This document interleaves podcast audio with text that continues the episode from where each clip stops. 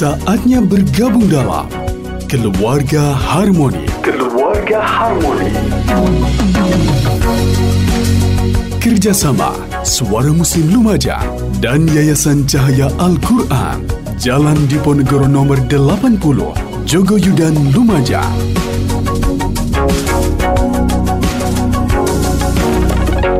Keluarga Harmoni. Mitra Muslim, hina menghina agama bukanlah hal yang baru. Dari zaman Nabi pun sudah ada dan sepertinya akan ada sampai akhir zaman.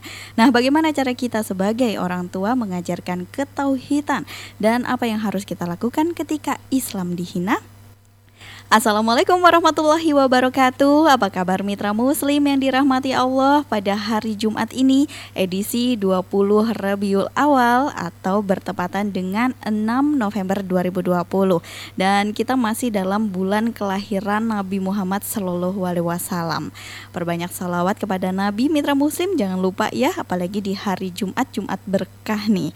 Kesempatan kali ini keluarga Harmoni menemani Anda tuntas sampai jam 11 siang nanti dan di kesempatan kali ini ada yang berbeda dan juga spesial mitra muslim karena saya ditemani bersama dua narasumber yang sudah hadir di studio Suara Muslim Lumajang yaitu Ketua PD Muhammadiyah Lumajang ada Bapak Suharyo Ape dan juga pendiri Yayasan Cahaya Al-Qur'an yaitu Dr. Alia Hidayati, dokter spesialis THT bedah kepala dan leher. Saya sapa dulu beliaunya. Assalamualaikum.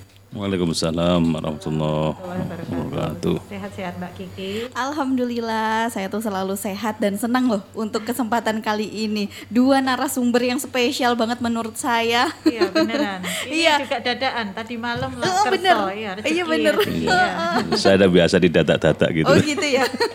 Kayaknya selalu siap aja ya kalau Pak Haryo Iya kan nggak ya. tahu yang dibicarakan nanti soal seputar apa saja bergantung pertanyaannya lah. Oh gitu ya, bebas ya Pak ya. Bebas ya. Terima kasih Dokter Alia juga yang sudah menyempatkan hadir di pagi hari ini, senang sekali dan juga Pak Haryo, alhamdulillah eh, menyempatkan waktunya yang sangat sibuk kayaknya ya Pak Haryo ini. Kelihat, kelihatannya saja. Oh kelihatannya Iya. saja. Padahal banyak sekali jadwalnya kalah loh saya loh Pak. Iya, dilihat aja sudah sibuk Mbak Kiki. Iya bener, dilihat aja sudah sibuk apalagi Iya. dikerjain Iya, gitu. makanya Masya Allah.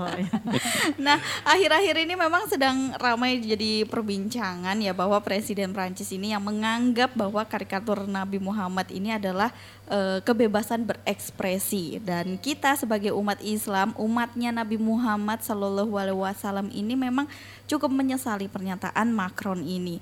Dan di saat bulan kelahiran Nabi Muhammad yang seharusnya kita ini berbahagia memperbanyak salawat juga ini malah digegerkan dengan pernyataan yang seperti itu. Dan pada kesempatan kali ini mitra muslim eh, kita akan fokus ya untuk membahas tentang ketauhidan. Gimana sih cara kita mendidik anak-anak kita untuk mencintai agamanya yaitu Islam. Nah, yang pertama nih yang kita bahas di kesempatan kali ini eh, tentang tauhid dulu. Boleh ini yang eh, menjawab Pak Haryo ataupun juga Dokter Aliyah ya. nah, untuk tauhid sendiri karena memang ini awal dasar kita untuk mencintai Islam. Tauhid itu apa sih? Mungkin bisa dijelaskan untuk pengertian tauhidnya. Iya. Siapa ini yang jawab dulu ya? Ayo siapa? Jangan rebutan, mic-nya udah satu-satu. Ya gampangnya tauhid itu pengetahuan tentang keesaan Tuhan, keesaan Allah. Karena ini eh, yang sangat mendasar ya di agama kita berangkat dari pemahaman asyhadu an la ilaha illallah. Sebenarnya rangkaiannya nanti kalau ada karikatur tadi asyhadu anna Muhammad Rasulullah. Asyhadu an la ilaha illallah itu kalau kita rinci sebenarnya yang pertama la ma'budu illallah, tidak ada yang disembah dalam hidup ini kecuali Allah. Jadi seluruh sesembahan yang kita lakukan tidak boleh belok arah karena kalau belok arah itu salah alamat bahkan ketolak oleh Allah sehingga harus lurus tertuju kepada Allah. La ma'budu illallah. Yang kedua itu ada kata la matluba illallah. Tidak ada yang dicari dalam hidup ini kecuali mencari ridha Allah. Selaku orang tua mendidik anak kita itu mencari ridha Allah. Dan Allah itu mengutus seorang hamba bernama Muhammad sebagai rasulnya. Itu yang harus kita tanamkan kepada anak-anak kita supaya mencintai beliau. Kita mencari ridha Allah. La matluba ilallah. Kemudian la mahbuba ilallah. Tidak ada yang kita cintai dalam hidup ini kecuali Allah dan kita mencintai sesuatu yang Allah cintai Rasul Muhammad itu adalah makhluk utusan Allah yang sangat beliau cintai, yang sangat Allah cintai sehingga kita pun juga harus mencintai Rasulullah. Orang yang cinta kepada Rasulullah itu kalau Rasulullah dihina ya harus bangkit. Perasaan pembelaannya itu harus ada. Tapi kalau kita diam saja, tenang-tenang saja, dipertanyakan kecintaannya itu. Lama ada lima pemahamannya. Kemudian la maujuda ilallah tidak ada wujud kecuali diwujudkan oleh Allah. Dan kita nyadari bahwa kita ini sebenarnya kan wujud kita ini yang terbaik. Diciptakan oleh Allah laqad khalaqnal insana fi ahsani taqwim. Sungguh aku ciptakan manusia sebaik-baik ciptaan. Dan kita ini mensyukuri bahwa kita sudah diciptakan dengan sebaik-baik ciptaan. Dan besok kita akan akan kembali kepada aslinya dari tanah kembali ke tanah. Ini antara lain pemahaman soal bagaimana Tauhid itu ilmu tentang atau pengetahuan tentang keesaan Allah sehingga hidup ini kita harus mengesahkan Allah, menyembah hanya kepada Allah, memohon hanya kepada Allah dan seterusnya. Ya. Oke, jadi pada intinya ketauhidan itu mempercayai bahwa ya. Allah itu esa, ya. seperti itu ya. Apalagi ya. untuk Nabi Muhammad juga kita harus mencintainya. Ya, karena beliau dicintai Allah yang luar biasa, kita juga harus ikut mencintai. mencintainya. Nah, gimana kalau misalkan uh, ketika ada masalah yang seperti ini, uh, yang lagi sempat ramai diberbincangkan, terus uh, kita justru santai-santai saja. Iya. Bu dokter ini yang nanti jawabnya. Oh gitu. Ya. biar biar gantian gitu ya. Iya. ini kayaknya kompak sekali nih narasumber kita yang baik hati. Oh, benar. Baik hati. biar gantian katanya Bu dokter. Monggo Bu dokter gimana nih tanggapannya ketika melihat uh, Nabi Muhammad ini di dihina ya bisa bilang dihina seperti itu. Tapi uh, mungkin ada beberapa dari anak-anak remaja kita yang menganggapnya ah ya udah biasa aja seperti itu. Baik, jadi uh, kita tidak usah kejauhan untuk apa mikir Nabi Muhammad dihina ya yang yang kejadian kemarin. Kalau kita sendiri ya dihina orang, dimaki orang, yang sampai ini ya nyesek banget, nggak usah nyesek banget dihina biasa-biasa aja. Kira-kira kita langsung meradang atau ah, santui aja atau gimana? Kesel pastinya, kesel. Nah, ya, itu diri kita loh ya, mm -mm. yang nggak mulia-mulia juga, ya, ya, yang nggak dipuji di langit dan di bumi, mm -mm. ya kan? Nah, apalagi Nabi ini yang uh, kita syahadat menyebut nama beliau, kita entar juga sangat-sangat mengharap syafaat beliau. Mm -mm. Nah itu kan berarti jauh harus lebih kita cintai daripada ibu bapak kita sendiri, bahkan diri kita sendiri, bahkan anak dan pasangan kita. Nah, lah kok kita nggak belani itu berarti palsu cintanya ya. Ah, iya, benar. Ya, ya, ya. Palsu itu. benar sekali dokter. Jadi untuk kita umat Nabi Muhammad Shallallahu alaihi wasallam juga harus membuktikan gitu ya, dokter ya. Membuktikan kecintaan betul. kita hmm. kepada nabi gitu betul, apalagi betul. ketika nabi itu uh, dihina. Nah, dalam bentuk apa biasanya yang bisa kita apa namanya? kita lakukan? Uh, apa namanya? Yang ya, kecintaan, kecintaannya. kecintaannya. Gitu. Ya, ya minimal setiap kali disebutkan nama beliau kita harus selalu menyebut salam ya. Hmm. Itu yang harus kita jawab solawatnya itu.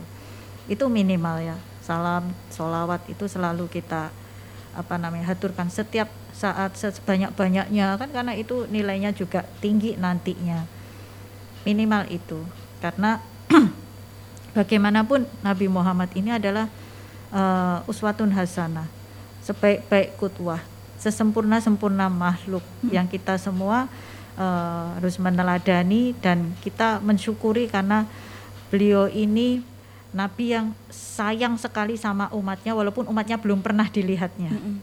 Diperjuangkannya sampai titik apa ya uh, penghabisan nyawa itu ya. Hmm. Benar-benar diperjuangkan Nah kita ini ya kebangetan kalau tidak sampai menjawab salamnya aja nggak jawab itu kan ya kebangetan gitu loh. Hmm. mungkin ya gampangnya kalau waktu di acara apa pembukaan acara pidato-pidato itu kan banyak atau acara tausiah acara apa itu kan sederhananya begitu mungkin Ustadz Haryo akan menambahkan ya. nah ini dia kembali lagi memang Allah sendiri dalam firmannya itu kan menyatakan innallaha wa malaikatahu yusalluna 'alan nabi ya ayyuhalladzina amanu sallu alaihi wasallimu taslima. Allah dan malaikat itu kirim salam mendoakan kepada. Nabi. Dan Allah perintahkan hai orang-orang yang beriman ucapkan salam untuk beliau. Itu gampangannya begitu.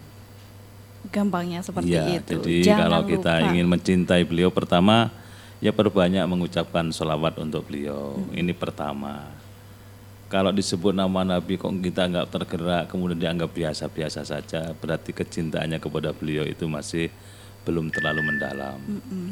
Ini yang pertama, yang kedua biasakan kita itu meneladani sunnah-sunnah beliau. Kalau bicara sunnah bukan berarti kemudian poligami ya. Nah itu, itu kebanyakannya loh. iya kan? Biasanya begitu. Kalau sudah bicara sunnah Nabi poligami. Langsung poligami nomor pertama itu. Ya. itu yang saya tunggu-tunggu komentar dari Oh gitu ya. nah, Padahal itu... sebenarnya yang diikuti dari sunnah Nabi itu ya mulai dari hal-hal kecil, membiasakan hal yang baik, misalnya makan dengan doa itu kan sederhana itu harus kita ikuti dan tujuh kebiasaan Nabi itu kalau bisa kita terapkan dalam kehidupan sehari-hari. Pertama misalnya, ini agak melenceng dari yang tadi ya. Hmm. Pertama Nabi itu istiqomah sholat lailnya, sholat hmm. tahajud. Secapek apa pun beliau berupaya untuk menjaganya. Yang kedua tadabur Quran, merenungi kandungan Quran sampai tetes air mata. Itu kan butuh jam terbang ya, hmm. Kedalaman spiritual. Yang ketiga Nabi itu sholat jamaahnya dijaga betul yang keempat Nabi itu sholat duha. Kalau pagi mendapat rezeki, ketenangan batin, kebahagiaan, ketemu teman lama begini nih, ini buah dari sholat duha kita. Kemudian yang kelima itu Nabi senantiasa bersedekah. bersedekah jangan lihat jumlahnya, tapi keberkahan serta keikhlasannya. Kemudian yang keenam Nabi menjaga wudhunya, batal wudhu lagi, batal wudhu lagi. Yang ketujuh Nabi itu menjaga ini hatinya untuk ngeklik dengan Allah. Nah, tujuh hal itu yang harus kita biasakan, kita lembakan dalam diri kita selaku pengikut beliau, pengikut Nabi Muhammad. Wuh, indah banget lah kalau kita dalami nanti mungkin ada sesi tersendiri bicara bagaimana menjadi pengikut yang setia Rasul Muhammad Shallallahu Alaihi Wasallam. Ini yang kedua. Jadi pertama kalau dibacakan nama beliau, ucapkan selawat. Kemudian kalau sehari-hari ikuti sunnah beliau. Dan yang ketiga yang paling penting, bagaimana kita menjadikan Rasul sebagai idola utama nah. dalam hidup ini. Kalau sudah jadi idola diusik, maka kita harus bangkit. Benar. Jadi yang diidolakan bukan hanya uh, tentang K-pop aja ya. Iya. bukan superhero. iya, bukan itu, tapi yang harus diidolakan sama anak-anak kita itu adalah uh, Nabi Muhammad Shallallahu alaihi wasallam dan itu yang harus kita tanamkan uh, sejak dini ya, sejak anak-anak kita kecil. Nah, nanti di sesi yang berikutnya kita juga akan membahas uh, lebih lanjut lagi mitra muslim. Tentunya saya juga mengajak Anda untuk ikut berkomentar ataupun juga ikut ikut sharing bareng di sini karena narasumber kita uh, di siang hari ini sangat istimewa sekali. Langsung saja Anda bisa WA di 0811 3400 899.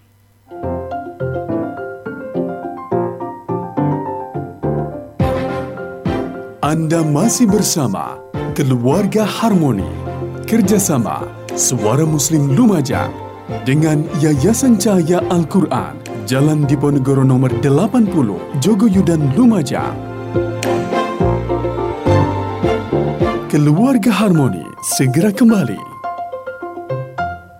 Mitra Muslim masih bersama saya Kiki Rizkyani dalam program Keluarga Harmoni. Ini saya bilang edisi spesial karena memang narsumnya, narasumber yang hadir di studio Suara Muslim juga sangat spesial bagi saya. Nah, di awal tadi uh, saya sudah menyinggung tentang masalah yang sedang dihadapi oleh umat Islam yaitu pernyataan dari Emmanuel Macron, Presiden Prancis tentang karikatur Nabi Muhammad ini adalah kebebasan berekspresi. Ada juga yang bilang ini adalah seni dan lain sebagainya yang menyinggung hati umat Islam di seluruh dunia.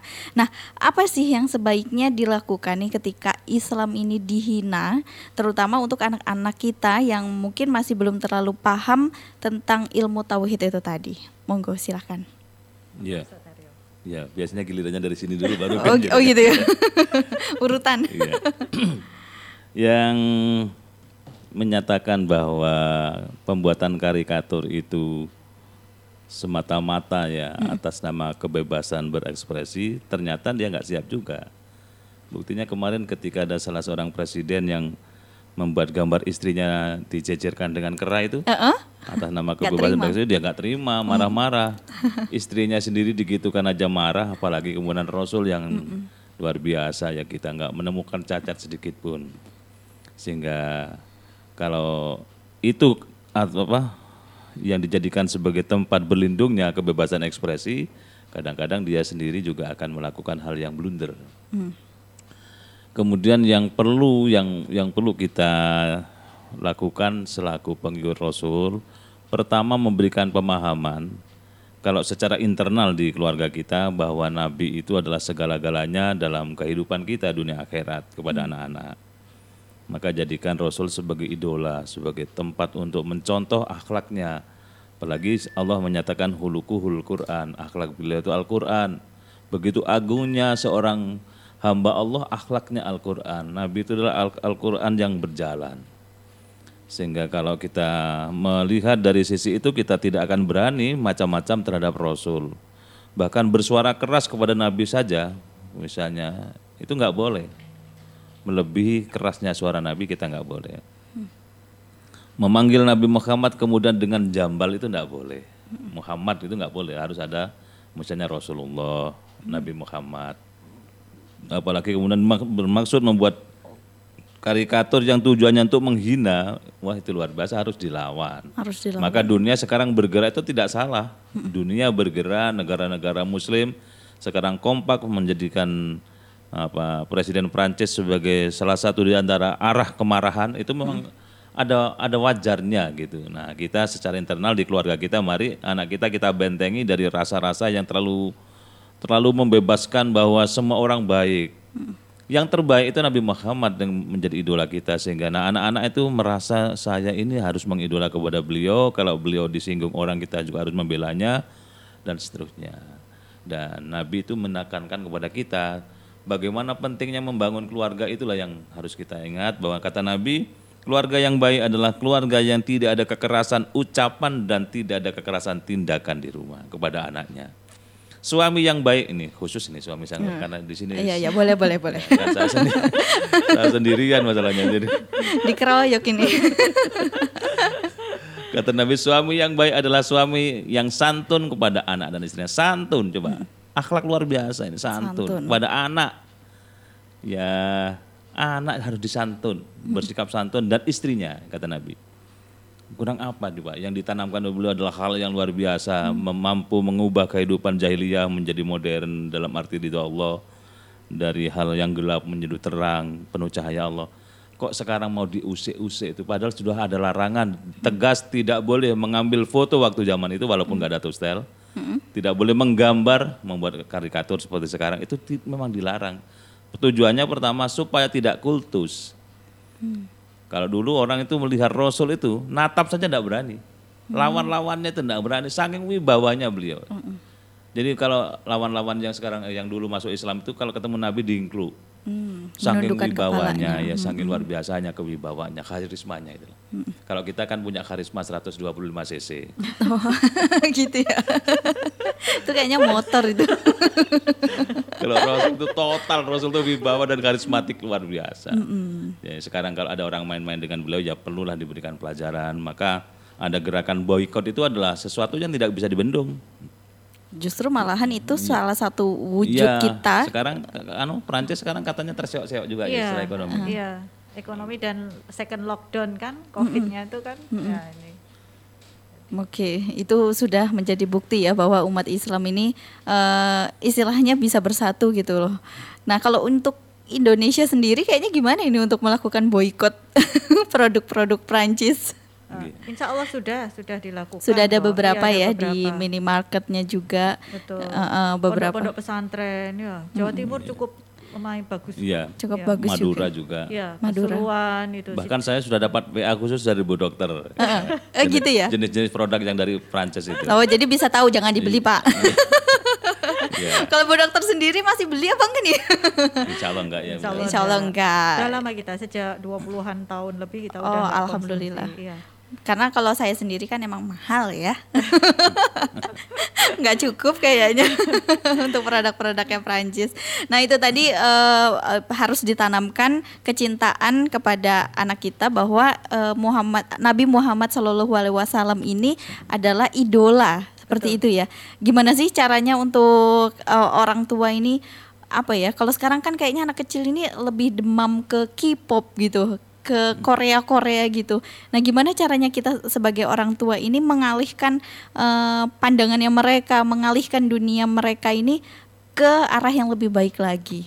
Oh enggak usah Dario. Nggih, kelihatannya Bu Dokter yang lebih pas ya. Ibu rumah tangga ini. Oh, gitu ya. Iya, iya. Iya, eh, baik. Untuk anak-anak ya, yang jelas sejak dini harus diperkenalkan siroh nabawiyah. Mhm. Bagaimana kita mau memperkenalkan sesuatu yang anak-anak dari awal tidak kenal sama sekali. Ibarat kata eh, diminta makan mangga, nggak pernah tahu bentuknya apa, rasanya apa, tiba-tiba disuruh kan bingung juga. Itu. Lah kalau anak-anak ini sedari kecil ini eh, sudah terpapar sosmed, TV, gadget dan media komunikasi lainnya yang di situ minim sekali eh, sosok Nabi Muhammad SAW, tentu ya tidak dipungkiri mereka akan sangat tidak kenal, bahkan menghindar, bahkan mungkin akan mencela dan sebagainya. Jadi peran orang tua untuk mengenalkan sejak kecil, sejak dini bahwa ada sosok agung yang apa namanya memperkenalkan kita pada nikmat terbesar yang kita pegang, kita apa namanya eh, apa dapat selama ini yaitu nikmat iman Islam. Nah, itu harus diperkenal wajib itu karena itu salah satu dasar ketauhidan. Mungkin demikian ya Ustaz. Oke, mungkin ada tambahan lagi dari Pak Haryo nih. Iya. Sebelum mau Jumatan ya, Pak ya. Iya. Katanya laki-laki sejati. Jam 11 harus udah di masjid. Iya, harus di- Jadi Rasul Muhammad SAW itu boleh digambarkan, tapi tidak boleh digambar. Digambarkan tentang karakternya, nggak apa-apa. Beliau itu kalau nduting, nunjuk, itu bukan dengan satu telunjuk saja, tapi kelima jarinya ikut mengarah, menunjuk. mengarah ke, ke arah itu. Ini gitu. Tadi kelima, sayangnya nggak ikut gambarnya ya. kelima ini ikut begini. Kalau dipanggil dari belakang Rasul itu dengan dadanya ikut bergerak ke belakang karena perhatiannya. Jadi misalnya dipanggil ya Rasulullah gitu dari belakang gitu langsung dadanya ikut bergerak ke arah yang memanggil. Gak hanya kepalanya Ya, aja tidak hanya gitu kepalanya ya. apalagi hanya suaranya Bu ya. gitu. Ya. Ini sudah mulai menyimpang ya. Kemudian nab- Nabi itu kalau berbicara itu biasanya menunggu dulu lawan bicaranya selesai baru menyela. Jadi kalau beliau itu apa istilahnya beribadah total, sudah tidak lihat lagi waktu, tidak lagi tenaganya bagaimana. Bahkan Rasul itu pernah sahabat Anas itu tanya, "Ya Rasulullah, apa boleh saya menjadi sahabatmu dunia akhirat?" "Oh, boleh. Kalau kamu ingin menjadi sahabatku dunia akhirat nanti malam ke sini," katanya diajak sholat tahajud. Tahajud rakaat pertama itu baca Al-Fatihah, selesai surat Al-Baqarah dikiranya oleh Anas itu hanya 10 ayat gitu ya. Ternyata sampai 287 selesai surat Al-Baqarah. Masih nambah lagi. Surat berikutnya sampai nambah lagi gitu. Akhirnya ndrodek sambil berdiri itu si Anas. sambil hatinya berbisik, wis pisan iki ae, wis gitu. Oh gitu ya. Dan wis- ada kapoknya gitu. Itu artinya ibadah Rasul itu seperti itu hebatnya. Jadi dari sisi ibadahnya luar biasa, Jadi penggambaran-penggambaran tentang kehebatan yang dinyatakan oleh Al-Quran, hulukuhul Quran, akhlak bil Al-Quran itu seperti apa? Perlu kita jelaskan ke anak-anak dalam bentuk cerita, supaya anak itu cinta kepada seperti kita dulu lah kalau diceritai orang tua itu kan kemudian kancil itu cerdas uh, uh, ya uh, uh. lupa kita bahas kancil itu nyolongan iya benar ya, di lagunya aja sih kancil mencuri timun nah, kan gitu iya. ya karena kantor karena pinternya orang tua mengemas sebuah cerita nah kita selama ini kan mulai agak kurang bercerita ke anak kita iya. mungkin itu penting dihidupkan kembali hmm. sebagai orang tua supaya anak cinta kepada Nabi, kalau Nabi diusir mereka juga akan membelanya. Hmm. Antara lain itu. Baik, terima kasih Pak Haryo atas waktunya. Sedikit waktunya kita kayaknya kurang ini ya iya. sebenarnya. Cuma ya itu tadi, laki-laki sejati ini harus sudah ada di masjid ini sebelum jam 11 gitu ya Pak Haryo ya. terima kasih Pak Haryo atas iya, kedatangannya.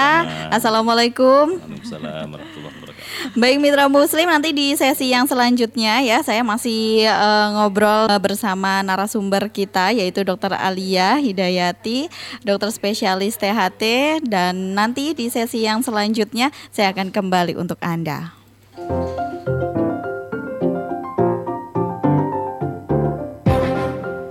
Anda masih bersama Keluarga Harmoni Kerjasama Suara Muslim Lumajang dengan Yayasan Cahaya Al-Quran, Jalan Diponegoro nomor 80, Jogoyudan Lumajang. Keluarga Harmoni segera kembali. Mitra Muslim kembali lagi bersama saya Kiki Rizkiani dalam program Keluarga Harmoni dan narasumber saya masih ada yaitu Dr. Alia selaku pendiri dari Yayasan Cahaya Al-Quran. Ini tinggal sendirian saja nih Bu Dokter. Ditinggal ya sama iya. lelaki sejati nih.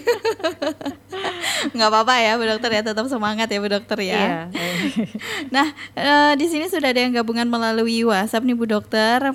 Assalamualaikum dari Ibu Endang hadir menyimak katanya untuk ikut boykot produk negara penghina Rasulullah. Tolong diinformasikan produk-produk yang mungkin yang saat ini masih dikonsumsi oleh rakyat kecil. Nah, mungkin uh, Bu Dokter ini tahu gitu ya, apa saja sih produk-produk yang dari Prancis ini yang mungkin masih bisa kita tidak beli gitu loh. Akhirnya kita melakukan pemboikotan sendiri gitu. Oh ya betul betul penting itu mm -hmm. walaupun itu langkah yang mungkin remeh mm -hmm. uh, apalah ini Benar. tapi itu penting untuk membuktikan kecintaan kita pada Rasulullah Muhammad SAW tidak sekedar di dalam hati uh -huh. dengan cara mendoakan atau di lisan tapi dengan aksi. Aksi benar. walaupun aksi kita nggak seheroik Anzarov ya yang uh -huh. sampai menggal kepala gurunya yang menghina itu ya. Uh -huh uh, produk rakyat kecil banyak banget ya ibu ya.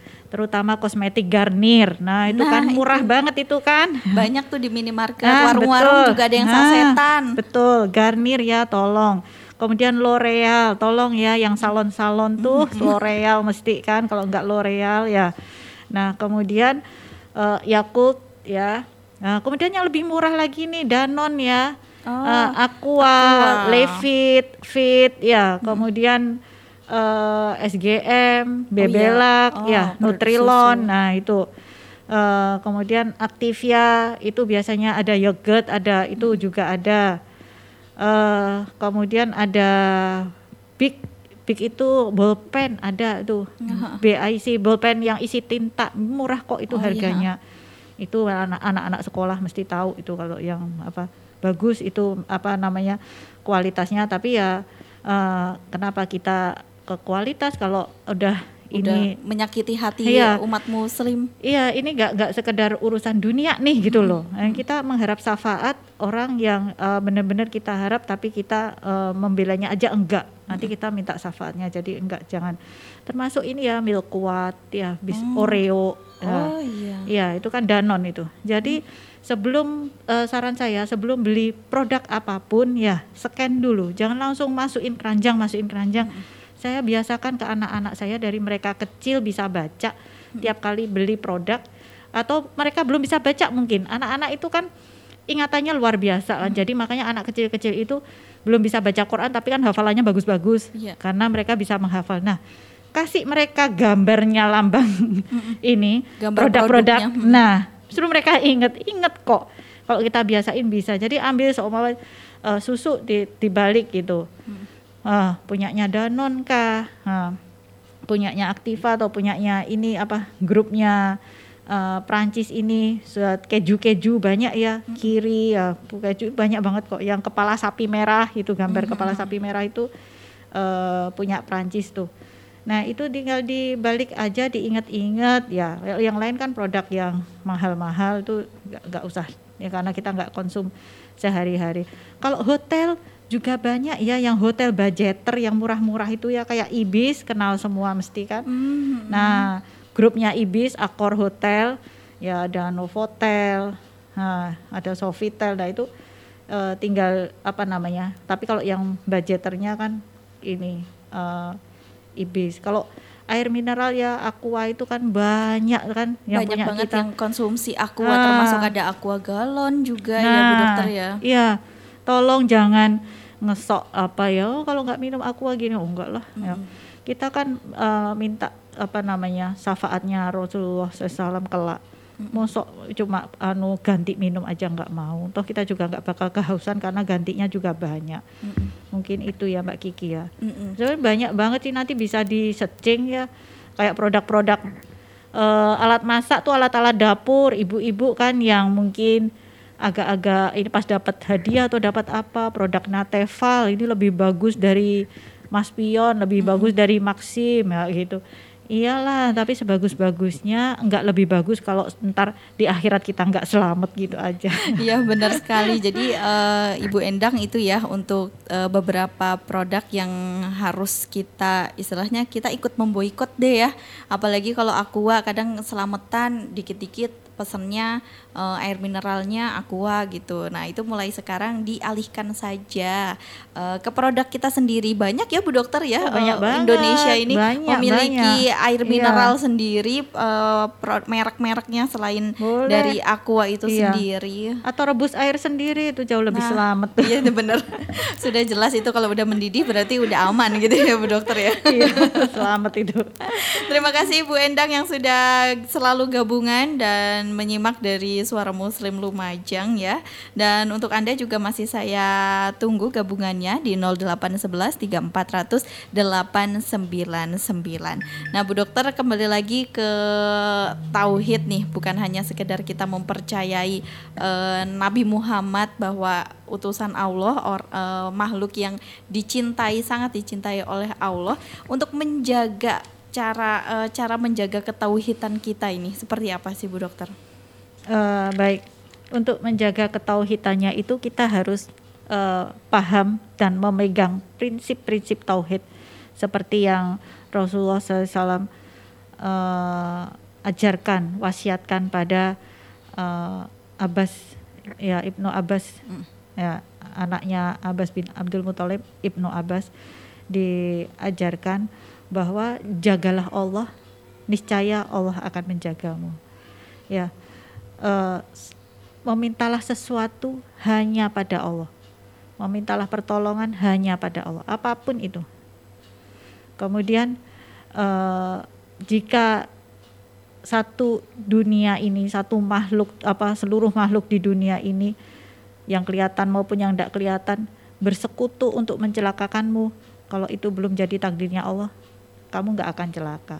Hmm. Tapi jika satu dunia ini baik makhluk yang goib maupun yang tidak akan memberikan manfaat kebaikan pada kamu, tapi kalau Allah belum mengizinkan, engkau juga tidak akan dapat.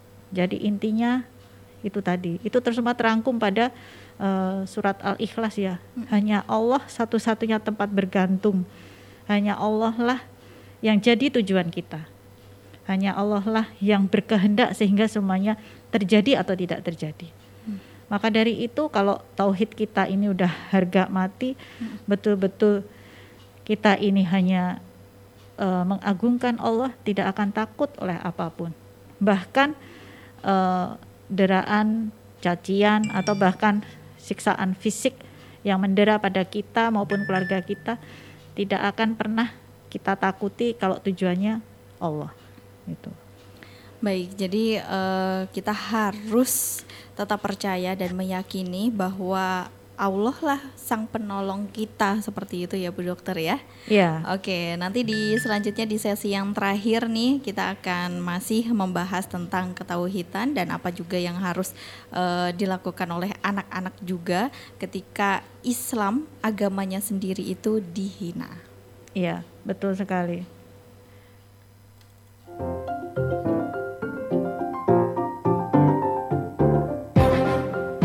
Anda masih bersama Keluarga Harmoni. Kerjasama Suara Muslim Lumajang dengan Yayasan Cahaya Al-Quran Jalan Diponegoro nomor 80 Jogoyudan Lumajang. Keluarga Harmoni segera kembali Mitra Muslim masih ada sedikit waktu di penghujung acara kita, program kita Keluarga Harmoni dan ini sangat menarik sekali karena memang banyak sekali ya Bu Dokter yang beranggapan bahwa ah Nabi nggak usah dibela seperti nah, itu. Bener. Ah Nabi ini sudah baik kok, dia nggak akan marah. Kenapa jadi malahan umatnya yang apa uh, mungkin nggak terima atau gimana? Nah gimana itu cara uh, menyikapinya nih Bu Dokter? Betul betul. Uh, jadi saya ingin uh, kutip dulu kisah awal Nabi Muhammad SAW dilahirkan ya. Hmm. Waktu itu kakeknya Abdul Muthalib oh, sangat bergembira sekali. Begitu juga dengan paman-pamannya ya, hmm. semua paman-pamannya gembira sekali. Uh, kemudian Abdul Muthalib berkata, aku ingin agar dia dipuji di langit dan di bumi. Bilang hmm. begitu saat ditanya kenapa dikasih nama Muhammad gitu. Paman-paman tanya semua Hei Abdul Muthalib, mengapa kau beri nama dia Muhammad? Nama yang nggak pernah digunakan oleh para leluhur kita yang hebat gitu. Hmm. Jawabannya Abdul Muthalib itu, aku ingin agar dia dipuji di langit dan di bumi. Hmm. Itu itu sambil gendong Nabi Muhammad SAW itu uh, senyumnya bangga, rautnya gembira, pokoknya cerah sekali. Nah, dan memang betul Muhammad SAW senantiasa terpuji hingga para pembencinya itu tidak mampu mencaci. Hmm. Itu banyak kisah yang diceritakan ya di Sirah Nabawi itu tentang uh, kemuliaan beliau yang dicaci oleh banyak orang ya. Nah, nama Muhammad sendiri uh, sangat dahsyat hingga yang hendak menjelekkannya pun mau tak mau tetap harus memuji jika menyebut asmanya. Muhammad sendiri kan terpuji. Mm. Jadi mau ngomong Muhammad apa titik-titik ya mm sensor itu. Yeah. Ya ngomong Muhammad itu kan terpuji udah. Uh, artinya. Artinya. Ter, uh, uh. Jadi kalau mereka paham artinya tuh susah mau menjelek. Kan memuji dulu. Iya benar. itu kalau tahu ya. Uh, dan kalau tadi dibilang Rasulullah SAW tidak perlu dibela, tidak mm perlu lebay, alay dan iya, sebagainya iya, ya. Ada yang bilang nama Muhammad itu lembut. Uh, mesti ini nggak katam sirah nabawiyahnya ya, bahkan nggak ngerti nih kasihan ya. Kita terangin sedikit. Tidak ada orang yang lebih lapang hatinya terhadap orang yang menyakitinya melebihi Rasulullah Muhammad SAW. Tidak ada yang lebih lembut sikapnya terhadap orang yang bersikap kasar kepadanya melebihi beliau sejauh urusannya pribadi beliau saja, artinya sebagai seorang personal bukan seorang nabi rasul hmm. yang tidak ada kaitannya dengan urusan agama dan urusan Allah. Itu eh, nggak uh, ada pelanggaran itu uh, Nabi Muhammad terima. Tetapi kalau itu sudah uh, menghina dalam kaitannya kedudukan beliau sebagai nabi rasul, hmm. pembawa risalah uh, secara tegas itu wajib uh, kita semua apa marah, marah. karena Allah itu wadab ilallah itu nah bahkan di Sri Siroh Siroh Nabawiyah pun pernah Nabi Muhammad SAW ini mengangkat tangannya mendoakan kunut laknat ya selama satu bulan penuh untuk kabilah tertentu. Nah, di salah satu hadis Bukhari Muslim yang uh, saya apa namanya artikan Tidaklah Rasulullah SAW dihadapkan untuk menentukan di antara dua urusan, kecuali beliau memilih yang paling mudah di antara keduanya, selama hal itu bukan merupakan dosa.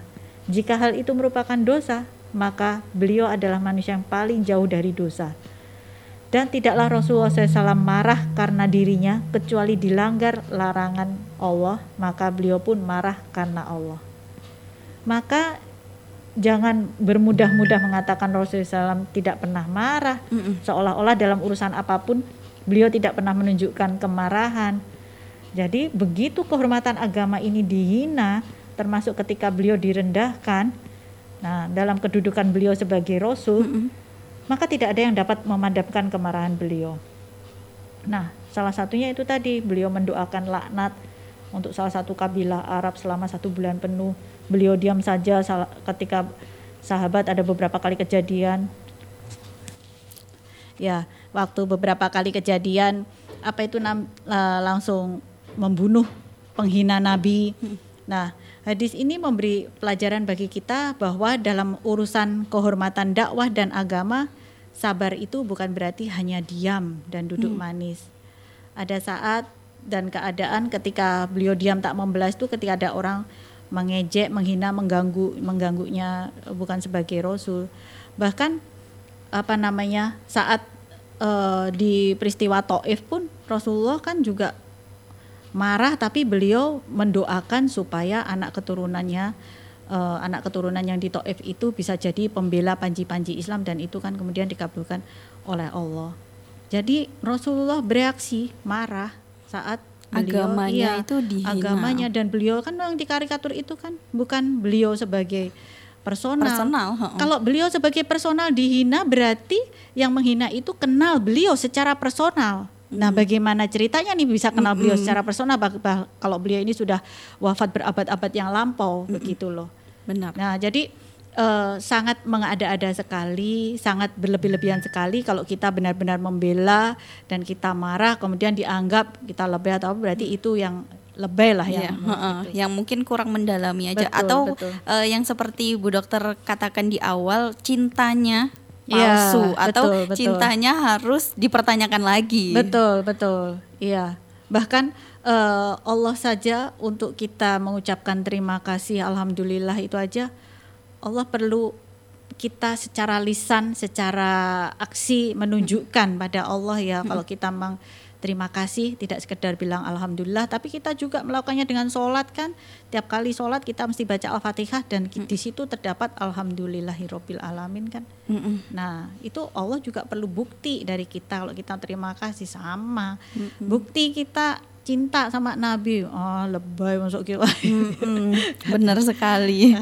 Jadi uh, kita sebagai orang tua ini sebaiknya mulai dari sekarang uh, lebih mengarahkan lagi ke siroh-siroh nabawi seperti itu ya, Bu Dokter ya. Betul. Uh, jadi uh, siroh-siroh Nabi yang harus kita perdengarkan, jangan hanya cerita-cerita uh, yang dongeng itu kalau menurut saya kurang real ya dokter ya. Yeah. Kalau siroh Nabi kan sudah useless sudah lah. real. Kalau dongeng itu useless. Nilai-nilai uh, uh. apa yang mau didapat? Sekedar menina bubuk kan ya.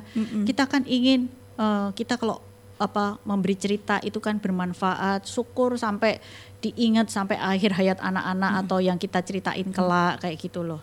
Nah, jadi termasuk dalam hal uh, apa penghinaan pada nabi ini sebenarnya kita uh, bisa ingatkan kembali bahwa yang kita boykot produk Prancis itu tidak sekedar barang ya, mm tapi juga konsep, pemikiran itu yang lebih merusak juga kan. Mm.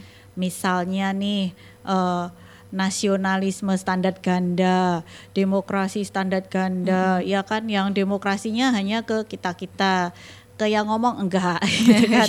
ya hak asasi manusia mm-hmm. ya itu yang pokoknya standar ganda asasi manusia itu Islam udah atur mm-hmm. tapi kalau yang hak asasi manusia yang digelorakan kayak yang di produk Prancis itu hak asasi manusia untuk dirinya untuk yang lain enggak bukan mm-hmm. gitu kan nah untuk kebebasan berekspresi seni dan sebagainya untuk seninya dia, seni kita enggak kan gitu. Iya. Berarti ya masih itulah. egois. Gitu Betul, gitu, double ya. standar kan jadinya. Mm-hmm. Nasionalisme ya nasionalisme dia, kita mm-hmm. enggak, kita bukan hanya kita dibilang apa budak lapal, ya gitu-gitulah. Mm-hmm. Jadi kan uh, itu kalau kita teliti lebih jauh bahwa produk pemikiran mereka yang yang juga harus kita bendung Ya, dengan cara ya kita memahami ajaran kita, kita kembali. Kalau kita uh, berdasarkan Quran, berdasarkan siroh itu kita paham, insya Allah lengkap sudah.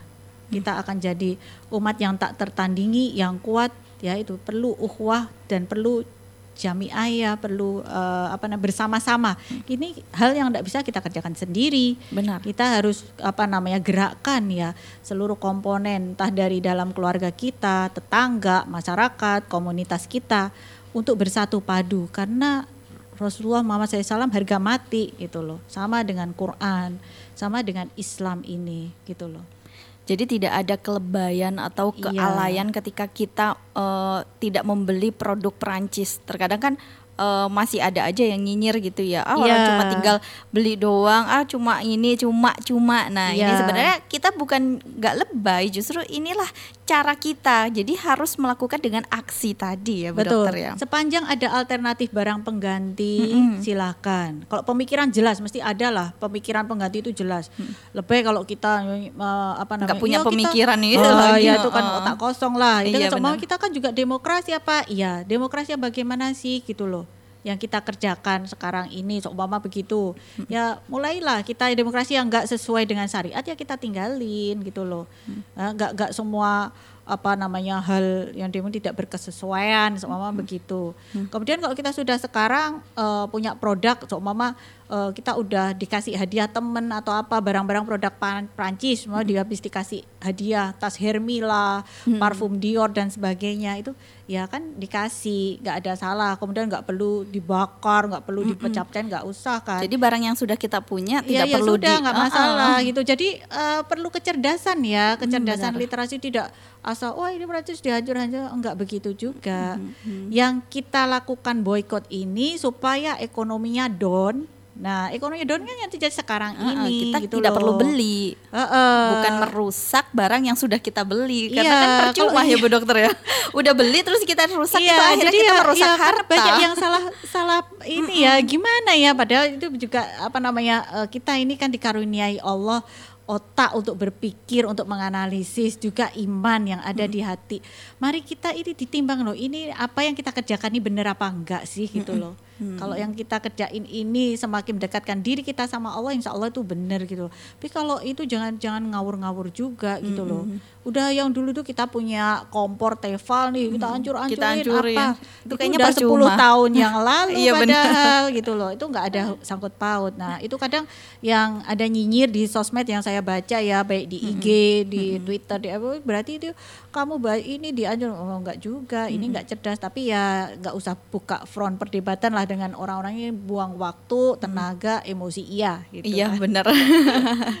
Oke, terima kasih Bu Dokter atas waktunya dan semoga uh, kita pagi siang hari ini mendapatkan pencerahan ya bahwa uh, ketika kita memilih untuk memboikot, kita ini memilih untuk tidak membeli barang dari Prancis itu tadi gitu bukan kita menghancurkan apa yang sudah kita beli dari produk Prancis seperti itu ya pada intinya ya Bu Dokter ya. betul betul. Oke, terima kasih Bu Dokter atas waktunya. Assalamualaikum warahmatullahi wabarakatuh.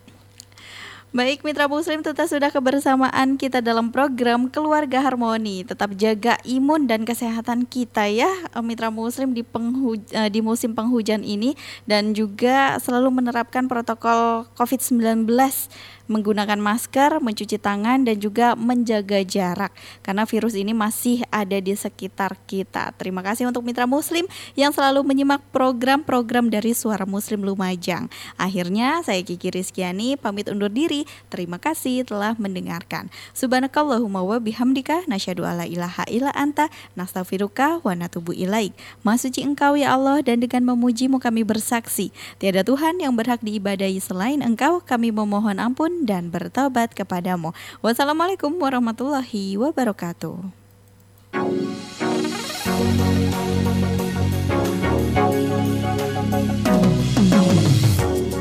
Anda telah bersama Keluarga Harmoni. Keluarga Harmoni. Kerjasama Suara Muslim Lumajang bersama Yayasan Cahaya Al-Quran. Jalan Diponegoro nomor 80 Jogoyudan Lumajang. Terima kasih Anda telah mendengarkan. Sampai jumpa pekan mendatang.